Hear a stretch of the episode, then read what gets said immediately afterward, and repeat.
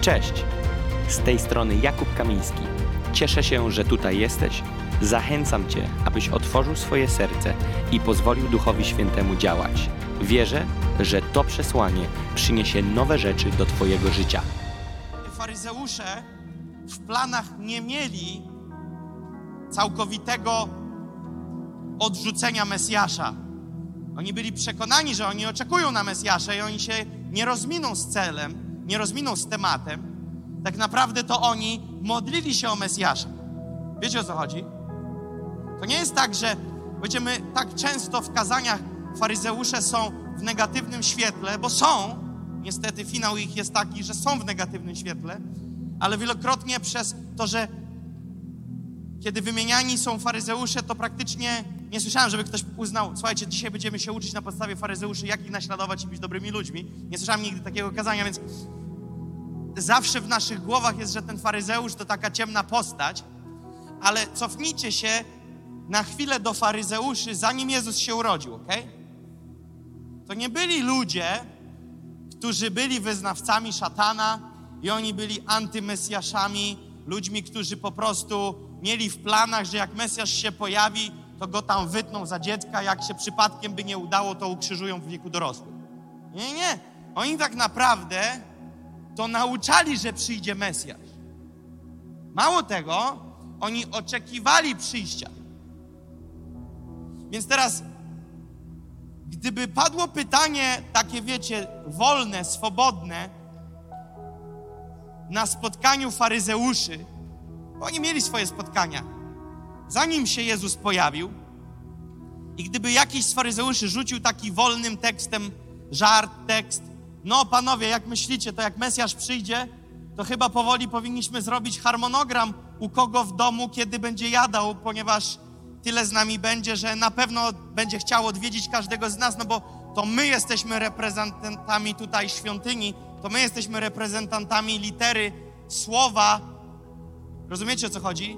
Jesteśmy tymi, którzy wykładają, uczą o naszym Bogu, o Jahwe, więc na pewno, kiedy przyjdzie Syn, Mesjasz, to On na pewno będzie chciał z nami się spotkać, więc poukładajmy już plany, w jaki dzień tygodnia, z jaką grupą On będzie się spotykał.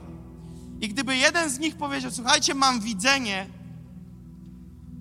odlecimy tak daleko, że On nie będzie chciał z żadnym z nas mieć do czynienia, ba, będzie przestrzegał ludzi przed nami, ba, walnie nam publicznie na rynku, że naszym ojcem jest diabeł, myślę, że prawdopodobnie ten facet, który by takie coś powiedział, zostałby wykluczony z grona faryzeuszy i powiedział, chłopie, jesteś zwiedziony.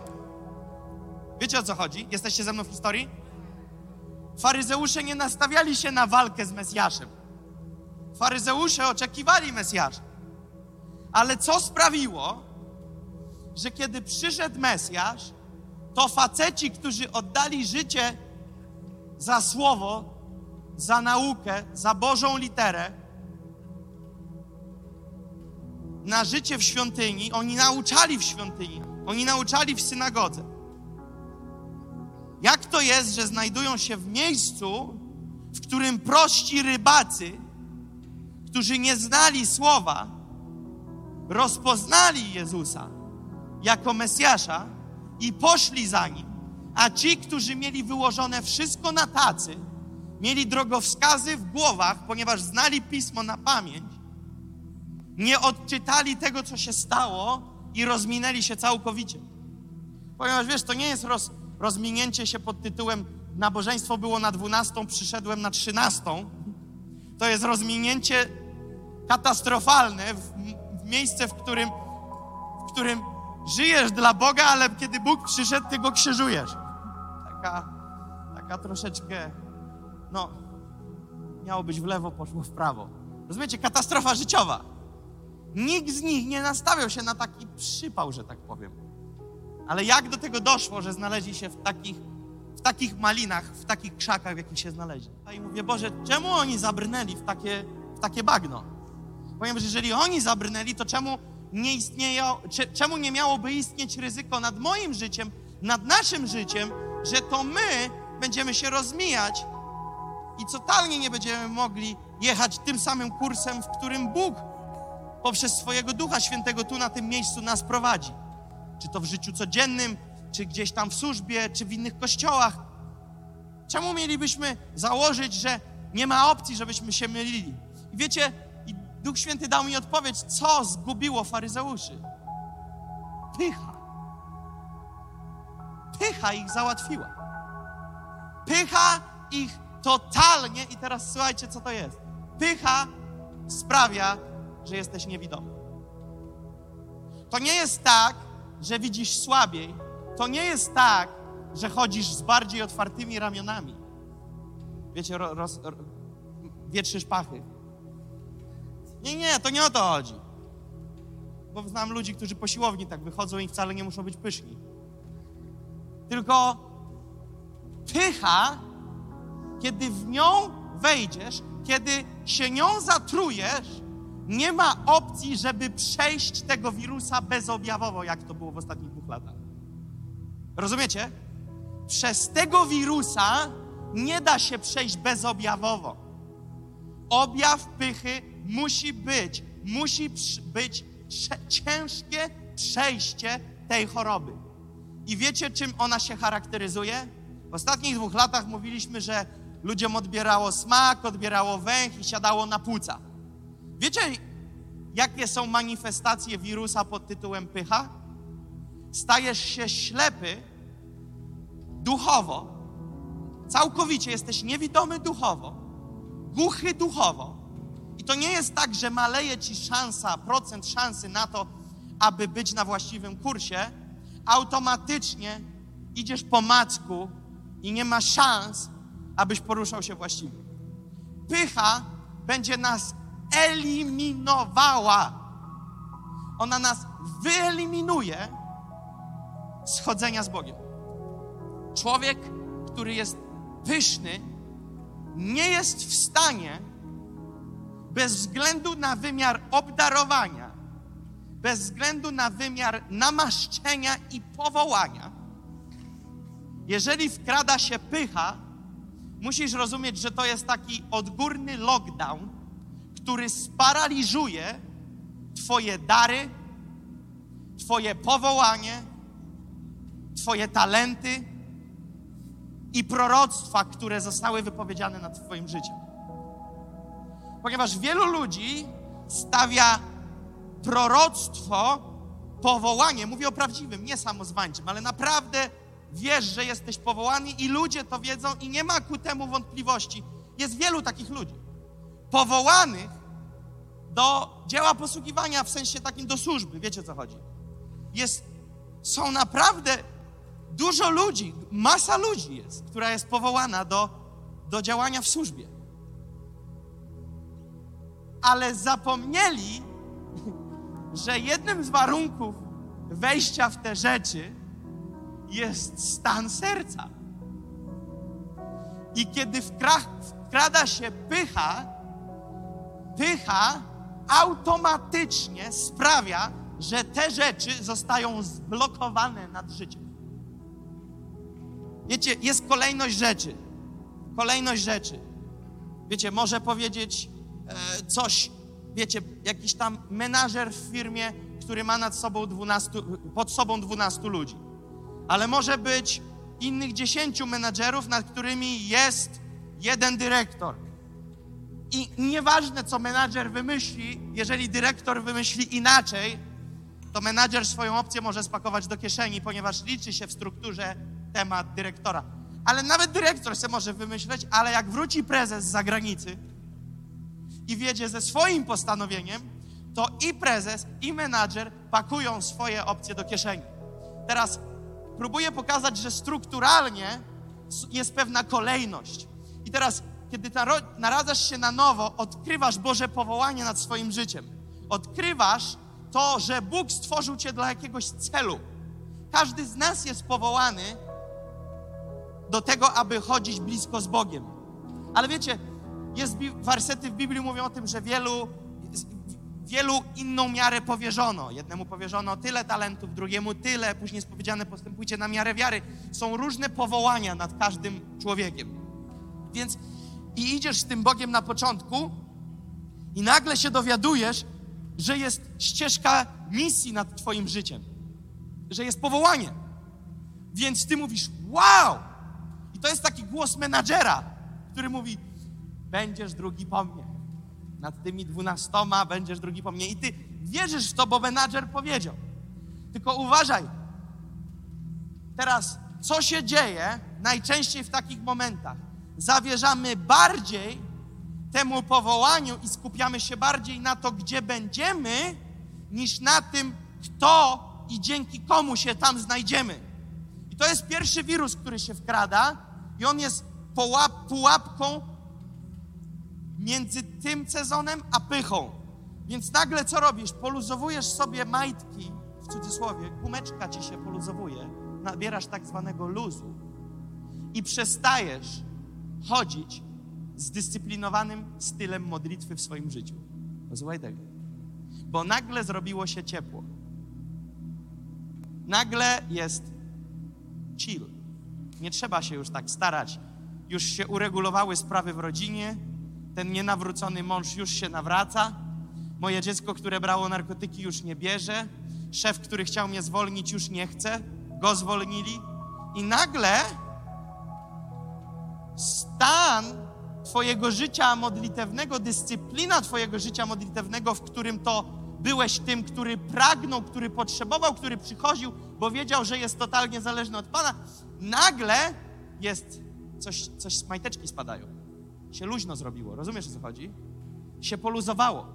Bo nagle rzeczy, które cię zaciskały i sprawiały, że żyłeś w totalnym ucisku i zmuszały cię manualnie do przyjścia przed Boży tron, nagle one się rozluźniły i nagle jest luzik. I wtedy to już jest tylko następstwo, klocek uderzy klocek i domino przewróci kolejny pionek. Wtedy zaczynasz wierzyć w to, że jesteś samowystarczalny. To się nazywa właśnie pycha w, w, w takim pierwszym stadium zaawansowania. Nikt nie wypowie na głos, ja jestem samowystarczalny, bo to brzmi jak satanistyczne wyznanie. Ale wiesz po czym poznać, czy tam jesteś? To, jak wygląda dyscyplina Twojego życia modlitewnego. To prawdopodobnie mogło zaboleć w tej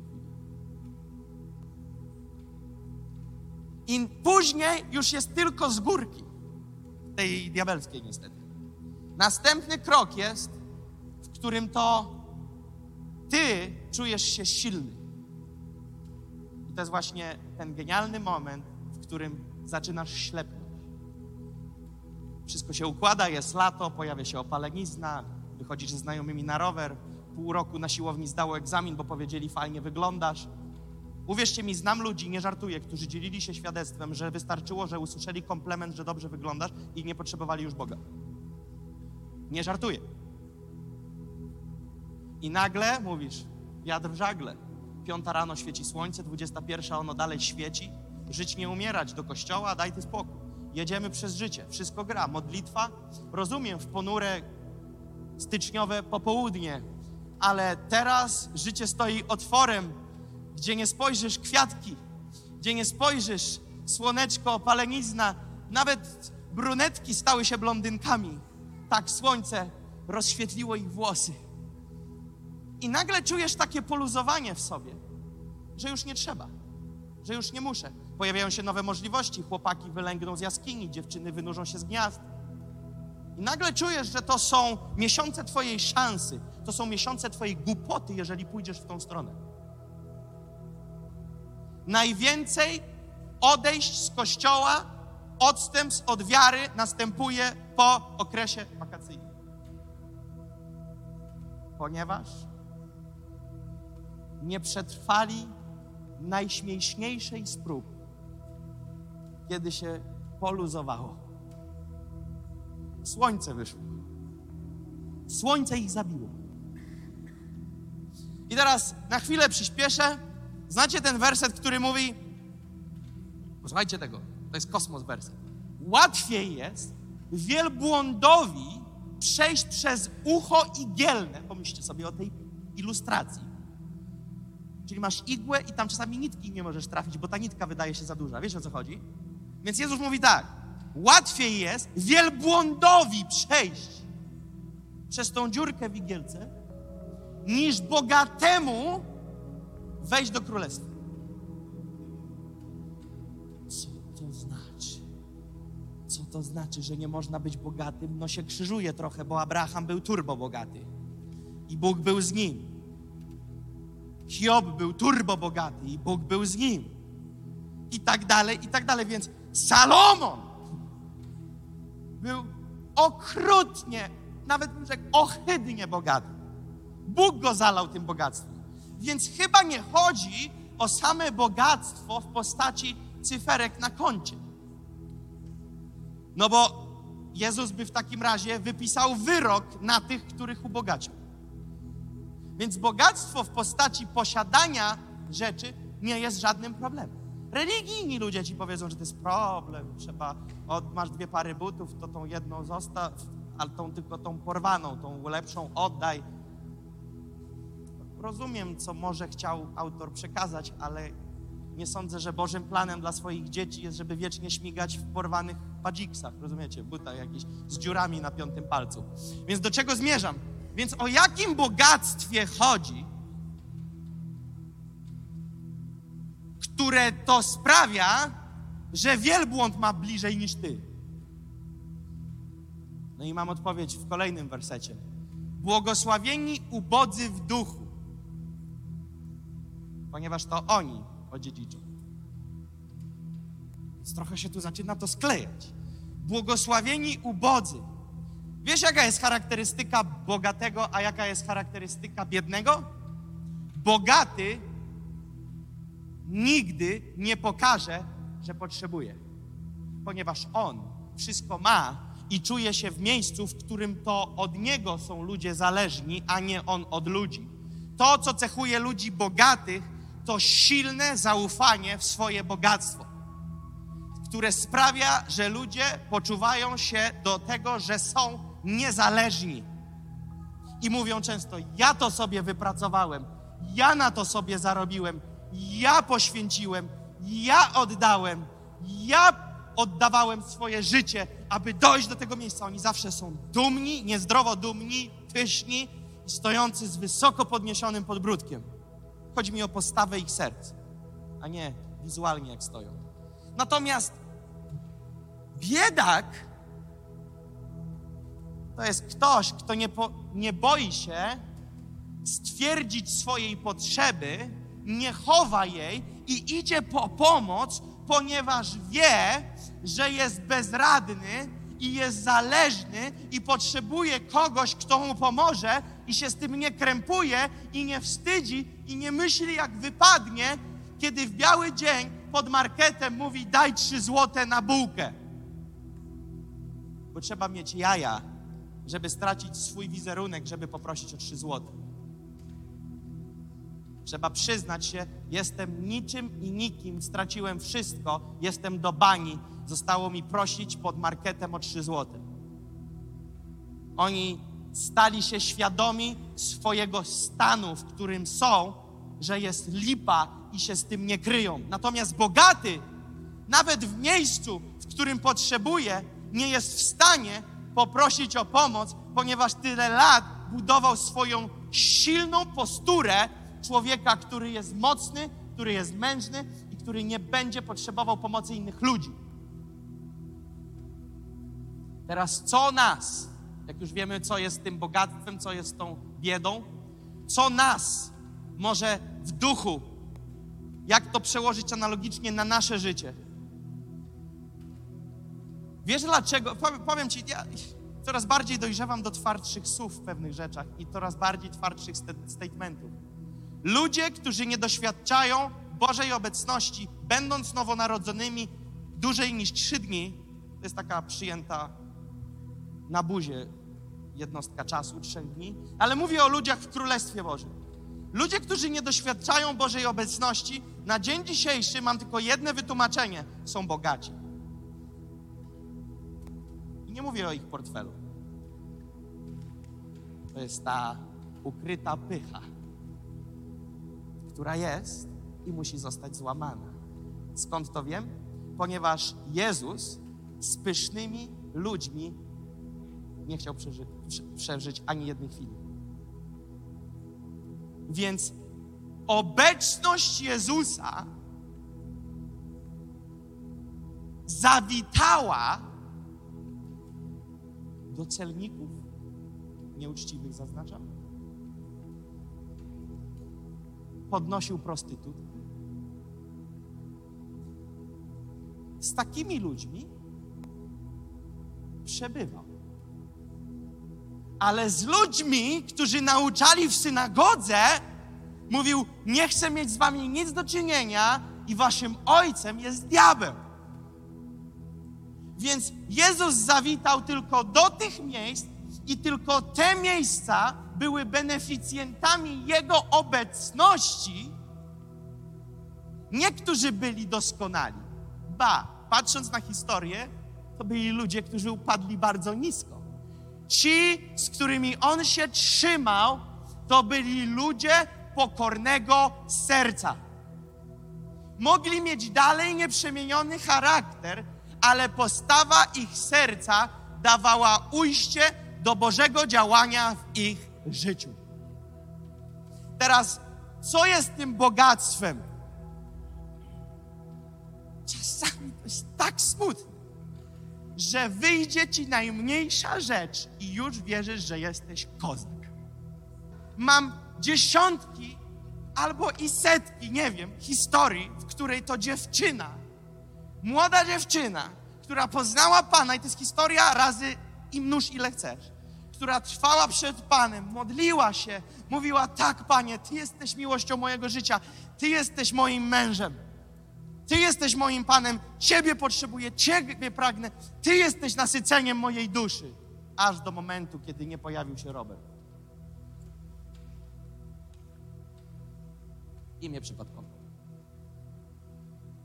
I nagle już ktoś inny przejął tą samą porcję komplementu.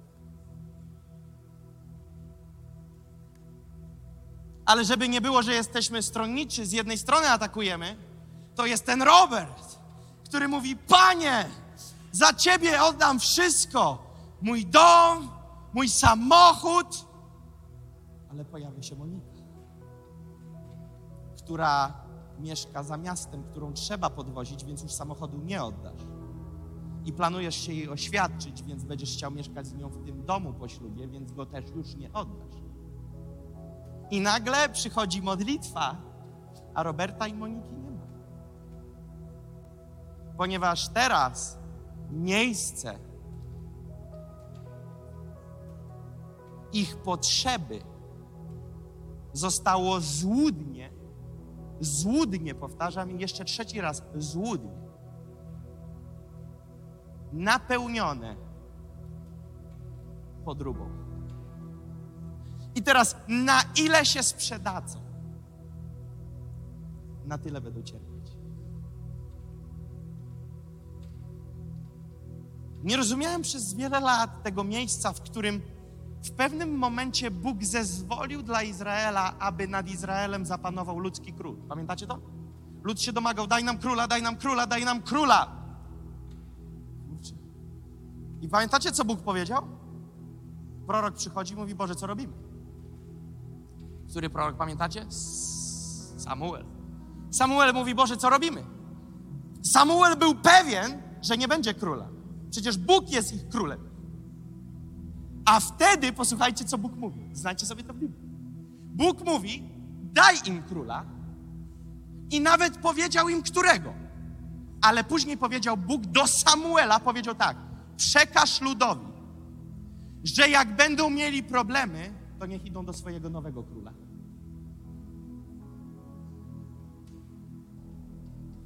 Oj. Chce, to ma. Daj im króla, chcą, niech mają. Więc co jest tym naszym nowym królem? Coś, co przejęło ten potencjał i ten czas i te oddanie, te, które dedykowałeś Jemu, a nagle poszło w innym kierunku. Może to być coś lub może to być ktoś. Może to być osoba, może to być jakaś rzecz, może to być jakieś marzenie, za które zaczynasz umierać, oddawać swój czas i nagle znajdujesz się w miejscu, w którym nie wiesz dlaczego, stoisz z Moniką, z Robertem, jesteś tym Robertem lub tą Moniką, to jest tylko ilustracja, i przychodzicie podekscytowani na modlitwę i mówicie, razem będziemy uwielbiać Pana i stoicie za ręce, ale już nie czujecie Bożej obecności.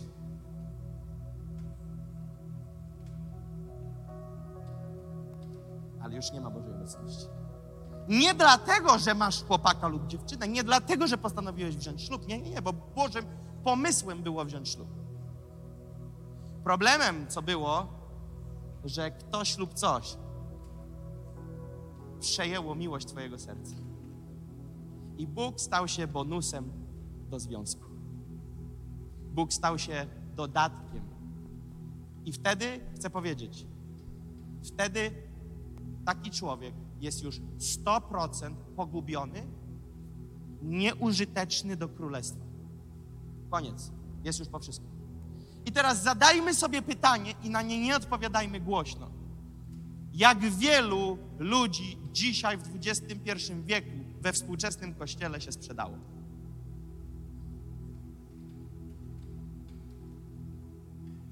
Ponieważ Bóg stał się ich dodatkiem. Bóg stał się ich błogosławieństwem. Ale nigdy nie było pomysłu, aby pierwszorzędnie Bóg stał się Twoim błogosławieństwem, ale aby stał się Twoim Panem. I później możemy śpiewać najpiękniejsze pieśni. Możesz zgiąć kolana, możesz nawet wyszorować wykładzinę czołem podczas dwugodzinnego wieczoru uwielbienia. To już nie ma znaczenia, nic się nie wydarzy. Możesz szurać głową pod wybanie, możesz bić pięścią i mówisz, Panie, tak potrzebuję. Wtedy sobie otwórz słowa Boga do Samuela i idź do swojego nowego króla, do swojej, w tym przypadku, księżniczki. Teraz powiedz, księżniczko ma, nasyć moje serce, moją duszę. Jak jeleń pragnie wód płynących, tak moja dusza pragnie Ciebie, Moniko. Przegrałeś. Przegrałeś. I wtedy Bóg poszedł jeszcze dalej i powiedział jeszcze twardsze słowa do Izraela i powiedział: Zdradzaliście mnie pod każdym drzewem. To są słowa Boże, nie Jakuba.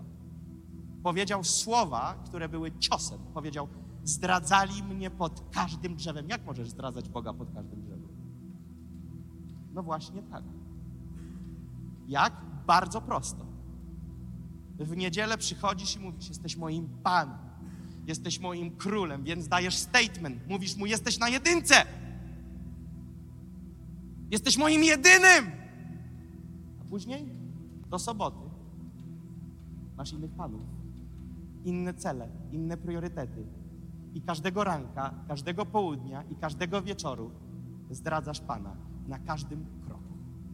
Ponieważ powiedziałeś mu, to ty się liczysz, to ty jesteś najważniejszy, to ty jesteś numerem jeden, to ty decydujesz, to nie ja, to nie moje życie, to twoje życie. Ale kiedy przychodzi moment, to ty nawet go nie pytasz, tylko robisz swoje. Widzicie, co mamy do czynienia? Schizofrenia duchowa. I później przychodzimy i dziwimy się, że nie ma Bożej obecności. Wiecie, co jest jeszcze takim ukrytym wirusem? Nie, nieugruntowana tożsamość, która w jednym z powodów może się zamanifestować tym. Muszę mieć męża, muszę mieć żonę, muszę mieć męża, muszę mieć żonę, mam już 24 lata. Mam już 24 lata. Mam już 25, mam już 26, mam już 27, mam już 28. Nie mam żony, nie mam męża. I te parcie, te parcie, i te parcie. Przejść będziesz w dziewiątym miesiącu, teraz poczekaj. Teraz nie przyj. Teraz napieraj na królestwo wpierw, a wszystko inne będzie ci dodane. Wszystko inne będzie ci dodane. Ponieważ zobacz, im bardziej napierasz i wierzysz, że to ty musisz napierać, zobacz, co się dzieje. Coraz to bardziej z dnia na dzień bierzesz to na swoje ręce. jako to ty jesteś tym, który musi te zadanie doprowadzić do finiszu. Więc naciskasz własnymi siłami, pchasz do przodu i zgadnij, jakimi siłami później będziesz to nieść. Swoimi. No bo taką drogę sobie wybrałeś. Taką drogę sobie przygotowałeś. Wiecie, ja, ja wierzę naprawdę, że każde spotkanie z Bogiem, nie skupiając się na emocjach, nie chodzi o manifestację, nie chodzi o szukanie płaczu. Ale ja nie wierzę, że ty możesz się z Nim spotkać i się nic nie dzieje. Serio? Serio mam to łyknąć? Tą sztuczkę? To jest jakiś bajer, to jest jakaś sztuczka, to jest jakieś kłamstwo, ja w to nie wierzę. Ty mówisz mi, że spotykasz się ze wszechmocnym Bogiem, alfą i omegą, królem królów, panem panów i jedyne, co się zmienia, to zamykasz oczy? Jak stałeś, tak stoisz. Jak siedziałeś, tak siedzisz. Jaki wyraz twarzy miałeś, taki masz. Zaznaczam, nie chodzi o teraz próbę jakiejś mimiki, gestykulacji, żeby na siłę coś zrobić. Ale naprawdę chcesz mi powiedzieć, że pali cię od środka, rozrywa cię od wewnątrz.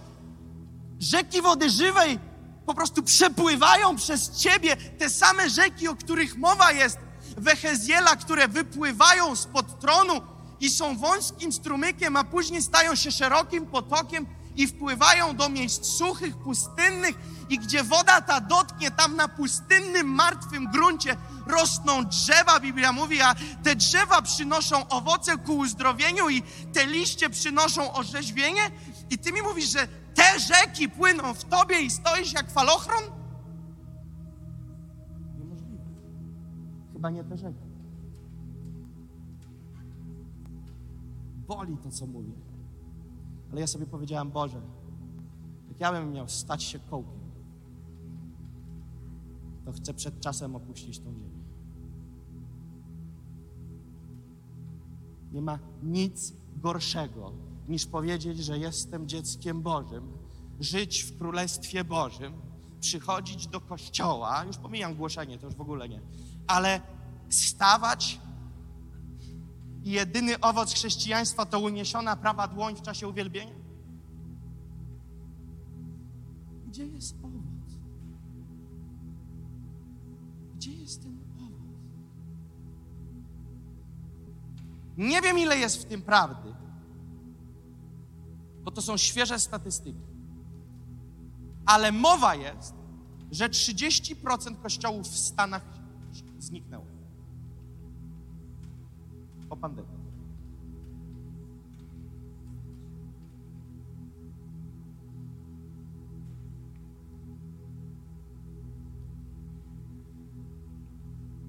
To jest kosmos. To brzmi jak czasy ostateczne, ponieważ w czasach ostatecznych będzie największe odstępstwo od Pana. Z drugiej strony największe żniwo. Więc ta rotacja mam wrażenie, że jest na naszych oczach. Nawet jak się pomyliłem, ja, znaczy to nie są moje statystyki, ja je tylko przekazuję. Trzykrotnie się machnąłem, ok? To co się stało z 10%? W ogóle jakim cudem jakikolwiek kościół mógł zniknąć? Przecież to był moment kościoła. Przecież kiedy, jak nie wtedy, kiedy się wali grunt pod nogami ludzi, pomóc kościoły zniknęły. Więc co by było, gdyby się okazało, że Twoje chrześcijańskie życie było wiezione na programie kościoła i na wspólnych spotkaniach? Gdyby tak zabrano nam spotkania, kazania, online też. Online też. I zostajesz tylko ty, słowo i Pan na rok. Wow. Czy miałbyś ten prąd, aby otwierać to słowo, aby stawać do modlitwy i nie byłoby świateł, nie byłoby rzutnika, nie byłoby zespołu, tylko Ty, Słowo i Pan przez rok. No, ja bym tak mógł. Ta, tylko co po roku by było? O, o co chodzi? Lata lecą, miesiące lecą, dni mijają, ludzie umierają i się rodzą. A ty? No albo obumrzyj, albo się urodź naprawdę, zrób coś. Albo w lewo, albo w prawo. Nie kołysz się jak po prostu rozbitek na morzu na jednym pontonie. Weź coś, zrób ze swoim życiem. Powiedz, Panie, ja chcę iść we właściwym kierunku. I to jest właśnie ten temat tego bogatego. Kiedy wiesz, że jesteś biedny, mówisz, Boże, jestem zwykły pionek, potrzebuję Cię. Wtedy jesteś wrażliwy na Boży głos. Wiesz dlaczego? Bo Biblia mówi, ja się pysznym sprzeciwiam, a pokornym łaskę daję. Człowiek, który nie chodzi w Bożej obecności, nie brzmi to dla mnie, jakby znalazł łaskę. Czyli chodzisz w Bożej obecności, chodzisz w łasce, ponieważ łaska ma w pakiecie Bożą obecność. Więc może nie jesteś poza łaską w kontekście nowonarodzenia, ale jesteś w miejscu, w którym Twoja pycha blokuje benefity, które są w Nowym Przymierzu. Jesteście ze mną? Wiecie, gdzie jesteśmy? Ja wiem, że to do nikogo z Was, to wszystko do tych online. Nie, to jest do mnie. Ja chcę codziennie się weryfikować, czy mi już odwala, czy dalej stoję w dyscyplinie przed Panem. Ostatnio sobie mówiłem, a później mówię, nie, nie, bo będzie artykułów w internecie za dużo, ale chciałem sobie tutaj taki malutki tatuażyk zrobić, taki, taką cieniutką czcionką. Jesteś tylko narzędziem.